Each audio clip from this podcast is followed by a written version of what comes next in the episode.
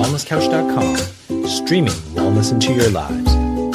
Welcome to Nourishing the Mother, featuring your hosts Bridget Wood and Julie Tenner.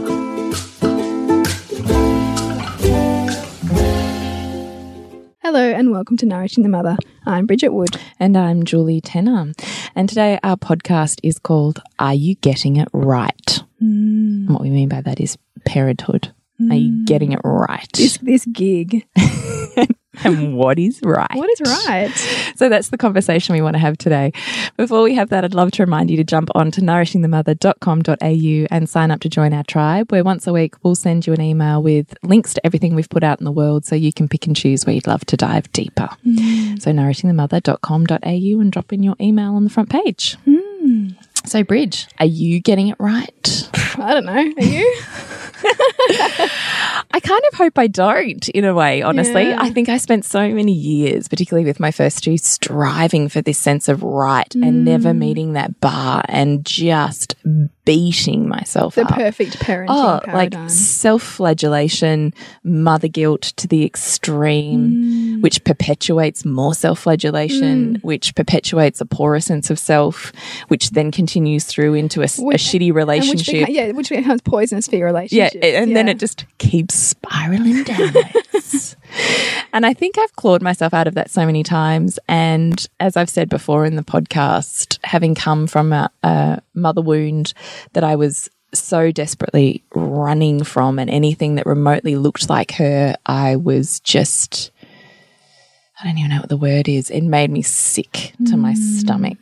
Mm. And of course, the more you run from something, the more you run into it. Mm. So I had more opportunities of facing my mother within me than what I was ever comfortable with.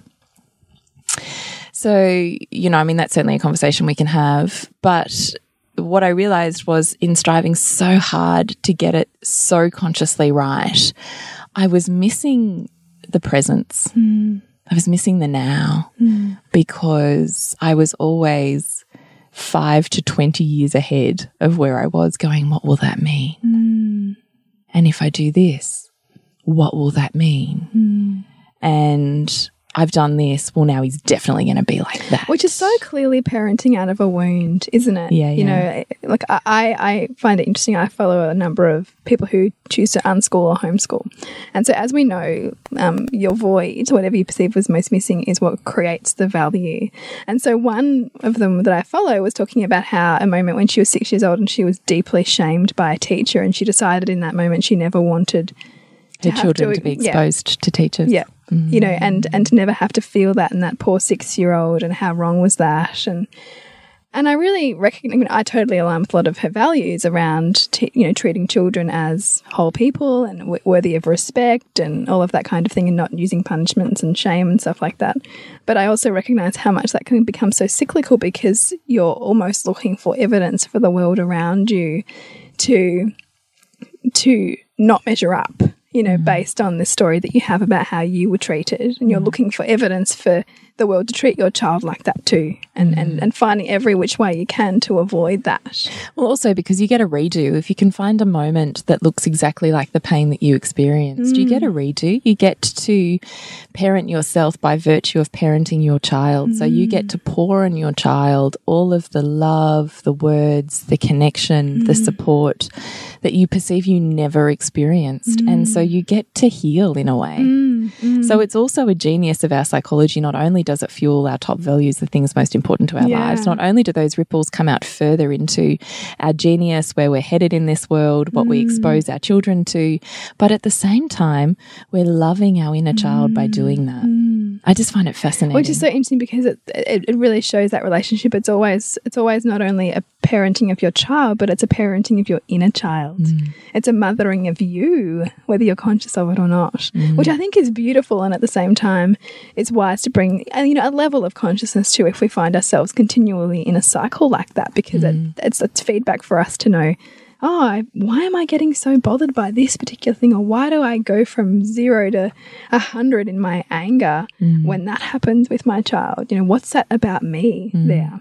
Mm. And, you know, it's such a, a delicate dance. I think sometimes we don't want to do that and you know who can be bothered and I just want to live and other times you know it's wise for us to start to look at those breadcrumbs that are leading us back to ourselves. Mm. So, where do you want to take the conversation from here? Are we getting it right? I, I, I find it interesting. I, this morning, I'm, I love this idea of um, kind of who comes into our life or the synchronicities of who we meet in our day. And this morning, I was at a um, it's Sunday we're recording, and I was at a farmers market nearby, and it was it was at the school that my son was going to go to, but he's now he's now doing a Montessori program at a different school. So I really come up against a lot of my decisions that I've made when I, I go to this school and I recognize the path that we could have been on and the path that we're on now, and I sit with that um, desire to judge myself or, or, or make myself either right or wrong based on my choices, as opposed to simply just being with my choices and being okay with however those wherever those choices take us. Because we can be so quick to judge ourselves or try and compare our reality to how it could have been, like a sliding doors moment. And I was talking to a mother there who my son had been um, in with. Um, he'd we'd been in a mother's group like when they were like six weeks old and I and I really realized how much you know we're all just facing ourselves through our children. Like listening to her talking about you know having two kids and the different dynamics and wh what she thought it was going to be like to parent another boy. Oh, they're both the same, just do the same thing. And she was saying it's been really hard because he's he's just such a different kid, you know, and like what's worked with the first one's not working now and mm. and and I and I think of that too and I think of how much do we create work for us for ourselves by trying to mold our children to what we think is right or what we think is the correct way to behave or what we think is the the right way to do things. And and I had this conversation with my husband lately where I said you know I think so much of the challenge in parenting is trying to control our children or trying to have a desired outcome that we want them to fulfill.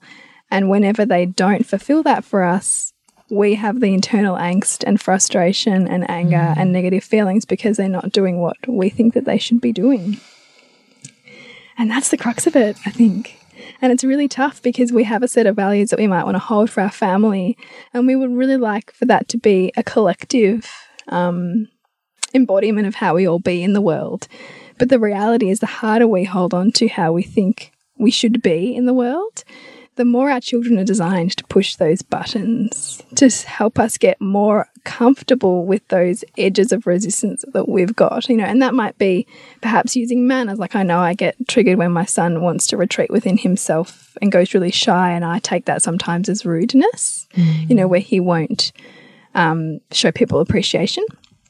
But I know that like that's my stuff mm. and that's society stuff um, and so I'm I'm constantly looking to try and find that sweet spot between um, setting a, an example of how I would love him when he can to show up in the world, but also recognizing that it's not fair for me to also push that on him as as as how he should behave because it's also his experience to make sense of too, and also his experience to make sense of perhaps the feedback that he gets when he is perceived to be rude and how he has to then work through that. Like it's not for me to fix his potential pain as a result of somebody perceiving him as rude because there's a learning in that for him. Yeah, I totally respect that. You know? But I, I, I feel in my body like that's hard to witness oh, sometimes, yeah. your child being yeah. judged. Yeah, it really is. Like yeah. you have a visceral reaction to that. And I think we're designed to. It's like that mother bear, like, you know, wanting to kind of, you know, shield them from that on some level. But, but well, it's about finding that, how much do you support and how much do you allow them to feel those natural consequences and, and find their way of navigating those. How do you find those sweet spots? Mm. with me, I, I, try as much as I can to continue to ask questions um, and let him sit with the answers or come up with the answers or, or give me feedback as opposed to me going in, in, into teaching straight away. So it might be, um, oh, you know, how did you feel when that person said that to you? Yeah, what did you think about that? Um, you know, as opposed to me going, oh, that's really wrong what that person did to you, or that's really wrong how they treated that person. Mm. You know, and and I turn it around to myself. Yeah, yeah. I wonder um, if it, it could feel like this for you. You know, I know that you know when that happened to me when I was six, I I was really uncomfortable about it, but I thought about it afterwards where that person might have been coming from, you know, what, what they were trying to do and how maybe it wasn't my fault or maybe, you know, just to give different ideas and perspectives on how to relate to other people. Mm. And I, you know, I really try to weave in, um, universal laws in like in, in our conversations. you know, this idea of, you know, when people feel appreciated, they're more willing to cooperate with you you know, when, you know, a nice way to appreciate people is to say thank you, you know, or in a nice way to help another person feel love in their heart is for you to do things that are thoughtful to them and think about and, you know, and that show that you care about what they care about. Um, so I try to weave gently those sort of universal principles in, but without me trying to drum into him a, um, a way of being with the world. Because who am I to say that my way of being in the world is the right way of being in the world? You know, I, I, want him to, for me to model that for him, but for me to not push that down his throat, you know? Oh, yeah, I love it. There's so, I just am listening to you going, yeah, yeah. Because it doesn't matter how many times you hear this stuff. This is the whole point of having a tribe, right? Mm. Because it doesn't matter how many times you hear it, each time you hear it, there's a new layer for you mm. because you're assuming, you know, we're all on growth, that there's always a different perspective, awareness, and meaning mm. that you mm. attach each time you hear the same thing. It's yeah. like reading a story or watching a movie at the same time. You get, or reading a book, you get something different out of it each mm. time. Mm. You know, no mm. different to kids like going gangbusters on one movie and, and a thousand times. A thousand times. Yeah, yeah. Is because they're still trying to understand, they haven't done with their learning yeah. in it, you know.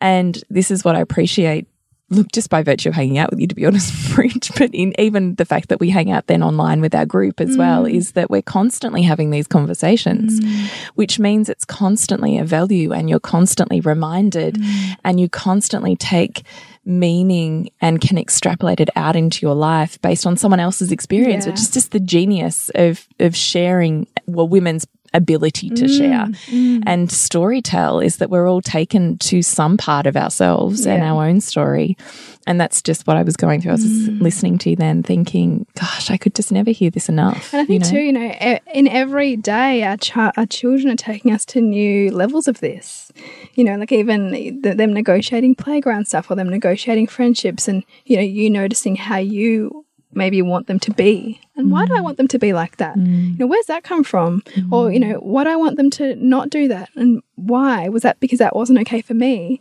And am I willing to sit with that belief still? Am I willing to put that onto my child? Or am I willing to kind of sit with the internal angst in me and kind of shift it? Oh, I'm having like a body feeling as you're saying that. because it, it's, it's awful. Like, I, yeah. even, even on Easter, Easter weekend, we were, um, my son, my son is obsessed with presents and he's obsessed with getting things and money, you know, like, so I'm like, what is this for me? Like, there's something in this for me.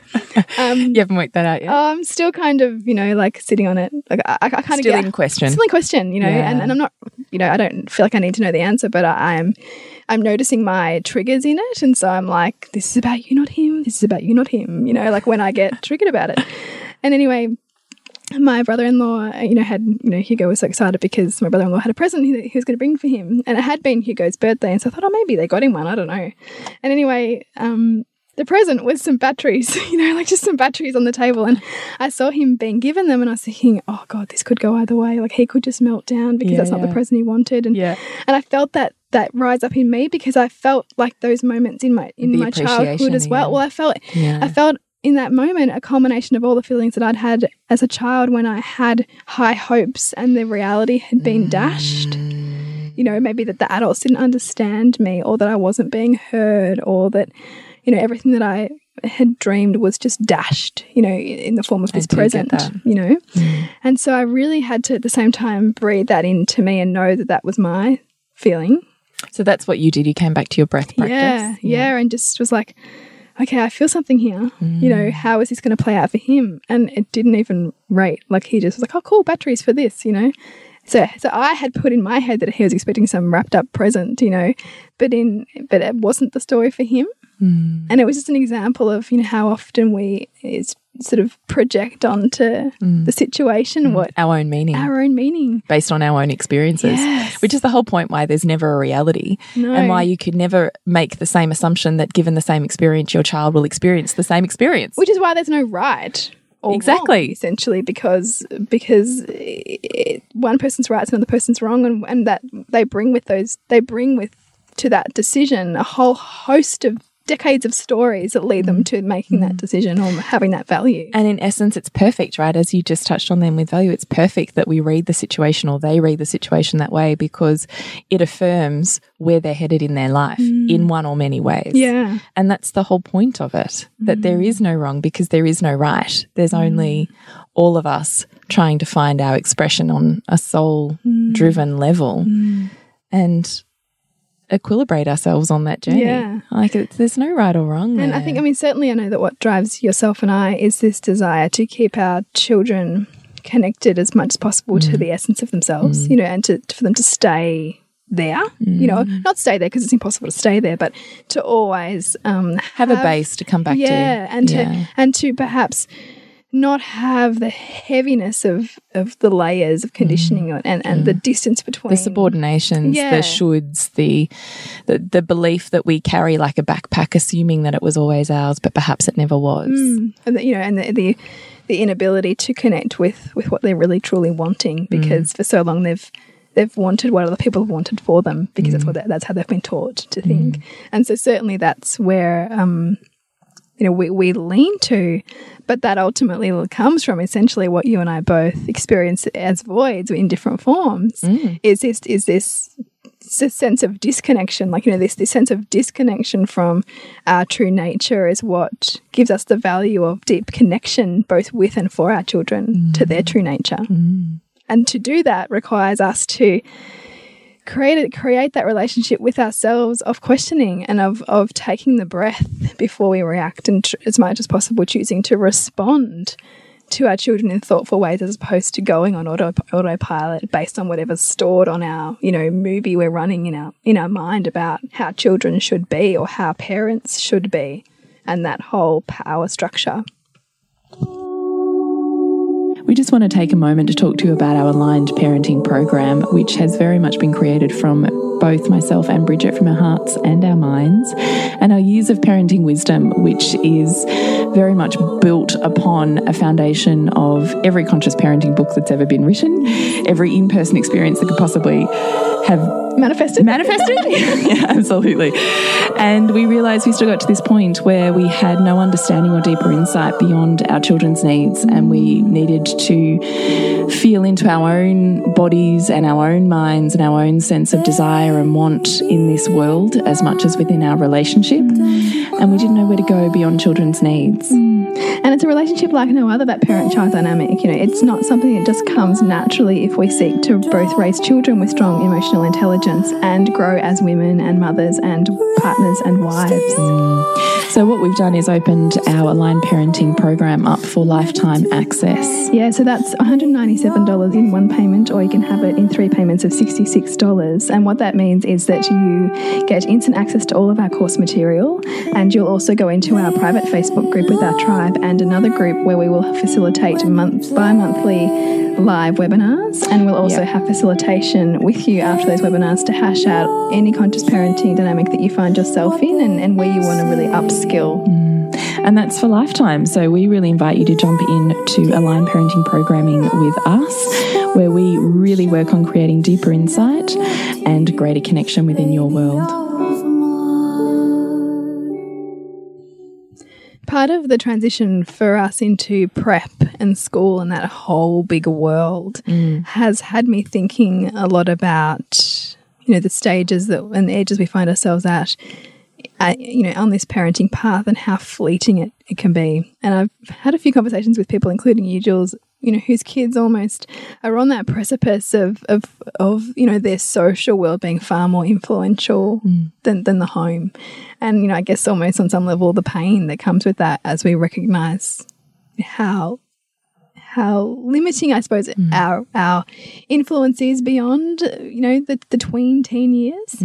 And I guess I want to talk to you on your perspective of this whole idea of getting it right and what that looks like and and how we can can get uh, not even right get con congruent and get aligned with what's true for us in, in, in a sea of expert opinion and judgment and belief clashing beliefs of what everybody else in the outer world thinks is right for your teenager or your child or your, you know, baby? Mm. Um, I don't really know where to start other than I'm a big fan of wisdom that is not wisdom that I have, and I want to know what other wisdom is. Hmm. Because I know that wisdom is hard earned, it is never easily given. Hmm. So, whatever wisdom parents or people in general have that are, appear to be ahead of me in time, I'm always fascinated to know what it is. Mm. So whenever I meet someone, it wouldn't matter who it was. I am always thinking, what wisdom do you have that I don't have that I can hear from you today? Mm. I love that because then, 'cause then that's actually looking then to everybody you meet as as a holder of of something. I literally believe that. value. Yeah. Mm. And particularly with the work that you and I, Bridge, do in the last couple of years, the more I've been able to see genius expanded, the mm. more I realize that I don't have the cornerstone on everything. Mm. I have the cornerstone of genius in these areas of my life that have deep pain associated mm. with them. Mm. So the feminine, sexuality, and parenthood. Yep, I can talk to the cows come home about that. Mm. But aspects outside of that, I, I don't have the genius zone on that. And yet I was meeting these people who perhaps didn't have genius in the areas that I did. And I thought, what have you got to offer me? And yet they do.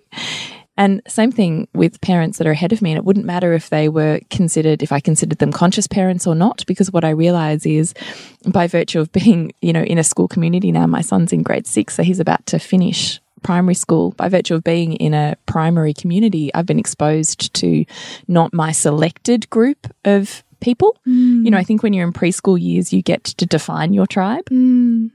And as soon as you hit school, you it's the first experience of your kids expanding their own tribe mm. that you don't get to control.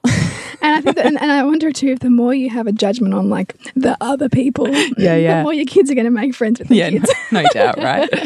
but what I realized through that softening was, and I've said before in many podcasts, that these mums who I would not have consciously sought out, left on my own devices, mm. were divine and had mm. All of this wisdom about parenthood and about the fun and the sense of self that I felt so removed from in my uber conscious getting it right journey. Mm. And they have been my greatest teachers of anyone to opening me up to it's okay. Like we said before, it's okay to say, today my kid is an asshole and I've had mm. enough. Mm. Whereas I could never have said that. And now I can say it and I can laugh about it and I can still love them through that. Mm.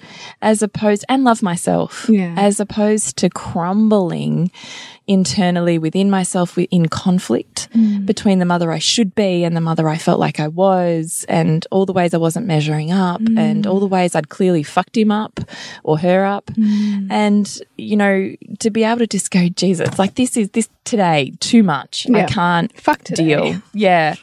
and to have a space to put back into self, I'm important and my sense of self is important, and tribe and community are, um, you know, an expansion of how my world rolls with that. So, mm. anyway, I remember how I've got round to that. How did I get there? You just in terms of opening up your beliefs and judgment to find a greater set of Right. So, wisdom. So, what I realize now is that these women who I would never have thought had wisdom that I wanted, indeed had wisdom that I needed. And that was my biggest learning curve in terms of seeing everyone else around me that I previously was a bit like, "Mm, I don't really, you know, have any desire to spend any time with you two. Wow. What have you got that I don't have mm. that could enhance my life mm. or my children's lives? And I'm willing to sit in my own discomfort long enough and continue to practice opening myself up to you mm. in an energetic, kind of heartfelt way to find that. I'm willing to hang in there for that. And nine times out of 10, I get it. Not like nine conversations, conversations out of every 10 I would have, I would glean wisdom and I just them. and I love that willingness, right? Because this is this is like in practice the truth that you know you get to choose in every moment what you project onto a situation, what you believe, the thoughts you have, you know, how you relate to people. Like that's actually a choice that we have. Hmm. And sometimes we really don't want to have that choice. We want to continue to stay stuck in our story of how, you know, maybe our way's right and their way's wrong, or, you know, suck up all the reasons why perhaps they're th- doing something better than us. Hmm. Whereas, you know, when we bring a sense of willingness to honoring both ourselves and what we value and them, you find that middle point, that meeting point of hearts opening and hearts connecting, which mm. is essentially what we all want anyway. Mm. So when it comes to parenting and kids, what I find myself doing is consciously, if I'm at a gathering, well, they don't call them gatherings anymore, Bridget. Now they're called gaths. Gaths. Gaths. That's- So you don't go to a party, you don't go to a gathering anymore, you go to a gath. A gath. Oh Yeah. my God. So if I'm at a gath, I make sure to hone. lingo, I make sure to hone in on the parents that have kids that are older than mine, Mm.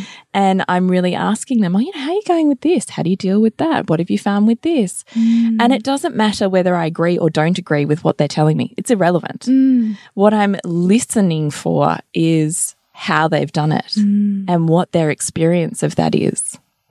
And when I meet them with that, with there's no agenda, there's no sense of judgment, I'm just curious, how do you do it? And how do you do it? And how do you do it? Because then that's research. Then I can distill the eight different ways of doing something that I know nothing about and go, hmm, I'm going to take a bit of that, and I'm going to take a bit of that, and I'm going to take a bit of that, and here's what I'm going to add to it. I, just think that's reminding me of what it's like when you're in wedding season before you've had your own wedding. And you're looking at everyone else's and you're going, yeah, nah, mm, a little bit of that, mm, not that. Yeah. it's the same kind of thing. It is. you know? It's, it's, it's incredibly. Applying it to parenting. It's incredibly great research. Yeah, yeah. So that's 100% of the time what I do. So before I even start like physically researching, reading books or going to talks, I kind of hone in on what I think I perceive my weak spots to be. Mm. And I only know my weak spots in advance by listening to everybody's stories and listening to my body and going, Ooh, don't feel ready there. Mm. Or, ooh, don't think I know enough about that. Yeah, yep. And so then I take my own conscious research to those areas. Mm. But I that is an enormous amount of time I spend on that. And there's no mistakes in that. Mm. Parenting is a top value of mine. I mm. get huge amounts of wisdom and life meaning by immersing myself in parenting. Mm. And therefore, no different to meal planning in advance if you have a high value on food, I have a high value of, on parenting. So I'm meal planning ahead of time Yes. I love that. before I get there, I want to know what I'm doing when I get there. Now, of course, you're not always going to manage that in parenthood, and there's going to be shit that happens, and you go, fuck, now I've got to find my toolkit for that now. Mm. But where I can, and I know something's coming, such mm. as I am at the precipice of teenagehood and hormones and sex and high school and drugs, and like I'm on that precipice. So mm. I am like absorbing like a mad woman everything that I have there. And, you know, I mean, you and I have had conversations recently, even in our tribe, about, you know, sexuality and teenagehoods. And, uh, well, correct me if I'm wrong, but I believe there was also a bit of shock from you going, oh my God, I can't believe they're that at that age. Mm, yeah. I'm like, I know. This is why I say. And then you and I had had this conversation in the car the other night when we were tearing up. When I was saying, I feel like, in essence, my job is nearly done i- with my eldest, who's about to turn 12. In a way, whatever I haven't laid the foundations for now, it's almost too late hmm. in a way hmm. because he is about to embark on a world where I am not involved for the hmm. first time in high school. Like, i- there is no parent interaction virtually in high schools at all, as opposed to primary schools where you're really like in there. High schools, nothing. Mm. You don't know the parents, you don't know the kids, you don't know whose house they're going to necessarily for a party. You don't know, you're not doing drop offs and pickups, you're not hanging out in the schoolyard. Mm. Like, you are not involved for the largest mm. part. And whatever is happening in that in that world, they've got to have a set of resources to deal with. And that includes sexuality, drugs, you know, bullying, the beginnings of adult life. Mm. And I'm not there to hold his hand through it. So I, I kind of feel this responsibility of, fuck, have I given him enough? Mm. Have I given him enough that he can handle himself there when he's plonked there mm. because he will be plonked in many of those situations and have to find his way out. And not to say, of course, this is also why I think it's hugely important to be there after school in high school years because I think there's a huge amount that they've got to consolidate and debrief about from their day, mm. depending on what they've been exposed to. I mean, my friends who have siblings just a year or so older than than my oldest, this is what I'm hearing: is these conversations are really full on, and the things they're exposed to are really full on. Mm. And if you're not around for the opening of those conversations, then you literally have no impact. Mm. And if you also don't make safe those conversations as well. Mm. But this is the groundwork. This Yeah. is this is what has already transpired, right? Mm. Because you can't spend the whole time going, not listening, not listening, not listening, don't have time, don't tell me, and then go to high school, go, why didn't you tell me? That's not how that works. Mm. It's so true. It's it's like um I think there's that there's that saying that goes if you don't listen to the little things when they're little, they won't tell you the big things when they're big. Mm. Which can be really hard, right? When you're juggling the craziness of, of small people and, and sometimes the seemingly, you know, mundane things that they think are important and you struggle to find relevant or important. They feel that, you know, and I, I mm. think about that a lot. I think, you know, gosh, you know, I'm so got so much going on, and it's it can be hard to really slow mm. down and be deeply present and, and be I have- directed. I don't think it has to be a, a totality, though. I don't ha- think it has to be all one way or an either or. But I think it is worthwhile sometimes when you're in these early years of parenting that feel like they go on for forever. And sometimes you think you're the only crazy person in the world who gives a shit, mm. is just to take a breath and a moment to go, this is so important mm. because I think that's the thing that we struggle with the most mm. as conscious mums who are wanting to pour our hearts, souls, time, money into our children in a way that's not recognized by mm. larger society because they'll just be right. Yeah, yeah. It does. It doesn't matter what you do. You know. Is that it, it is so important. And just to touch in and feel into why that's important for you, I think mm. is a beautiful gift. Mm. And now, as my son's here and you know, his world is just expanding at a rapid rate, socially, emotionally, physically, just exponential growth. And for the first time, I feel like I'm the wingman. Mm. You know, I'm not the captain per se mm. of that journey now. And that hits me with an enormous sense of self compassion mm. and an enormous sense of purpose for those early years. That this mm. is why. Because he's a magnificent young divine masculine. Magnificent. And that's why. You know? And when they're so little and they're five and they're six and you're thinking, God, you're just the most divine thing and I want to eat you. Oh, but you know, it's just you think, oh, I'm just a crazy mum. No, there's purpose, there's mm. reason, there is reason and drive for you diving into that and to trust that. Mm. Because here I am at a point where, um, you know, I'm so glad that I did, you mm. know, Yeah, yeah. because you don't get that time back. No. It's gone. And I also know that I was saying to you, Bridget, that was making me upset, was my son is 12, and I know that ever since he was five, he's wanted to play in the NBA. Now, I'm not saying he's necessarily going to make the NBA, but what he's very dead set focused on is going to college basketball over in the States, mm. which he always has been. I'm not kidding. Since he was five or six, it is the one dogged thing he has continue. I have this recorded painting in my drawer. You know those recordable paintings? Which PS, if you ever get a chance to get them, get them because I only ever found them once and only my oldest two did them when they were like four and five. They're like canvases and you can record a like 30 second snippet. So they both painted a canvas and recorded a story about their painting. Oh, gorgeous. So up on my wall, and they hit them all the time, press play on them, and they're just batteries.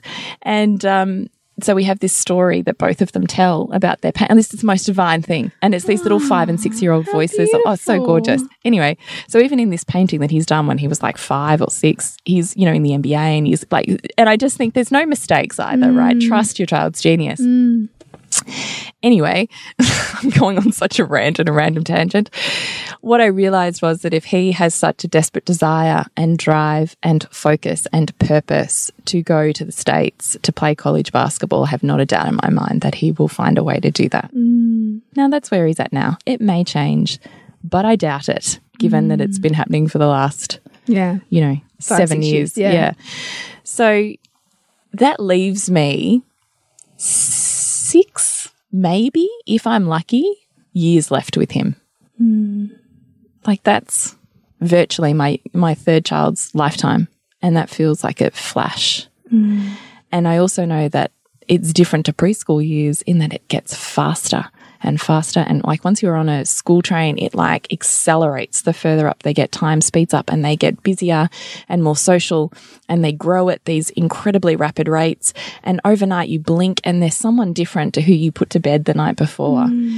And I have this huge, just like uh, my husband and I have spent like a week talking about it where we were like, fuck, do we even want to spend our money renovating the house? Because we've got six years left. Hmm. Do we want to spend that making memories together and traveling?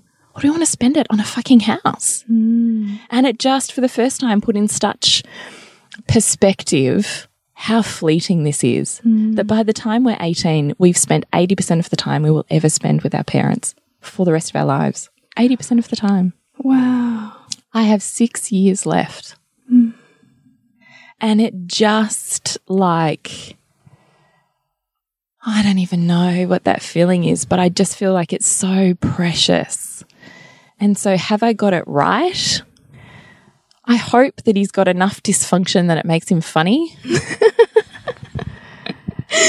You've got that on your Facebook It's profile. I it. exactly why I have it there because I remind myself all the time there is genius in dysfunction.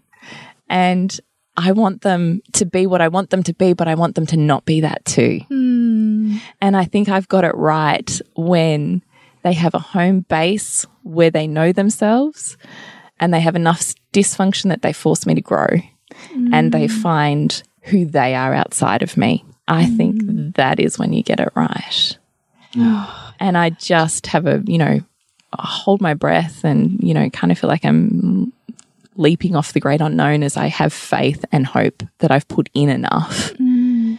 to see him step further and further and further into his own space in the next six years when I will literally then not have any, any, I don't know, captaincy, mm. if that's the word. I won't even be a wingman. And yet, don't you think you always are? Oh, yeah. I mean, yeah, but not in the way I think that we perceive that looks like. There's mm. not the same level of influence. Hmm. Um, and it's harder because they're also, you know, that they're opened up to more and more pain that you can't stop hmm. because they are their own person.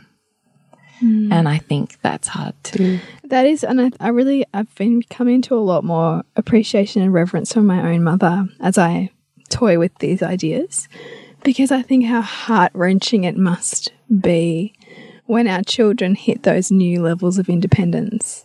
In particular, when we've invested so much of ourselves in mm. who they are, or you know, in in, in how they grow up in our space. Mm. And like I was like having a massive cry after Hugo's first day of school, and my mum said to me like, she like took me in her arms and she said, "Look, you know, I don't think I ever told you, but when you were nineteen and you moved out, like I cried for ten days straight, you know, and I had no idea because I didn't like I was like, woohoo, living my life, whatever."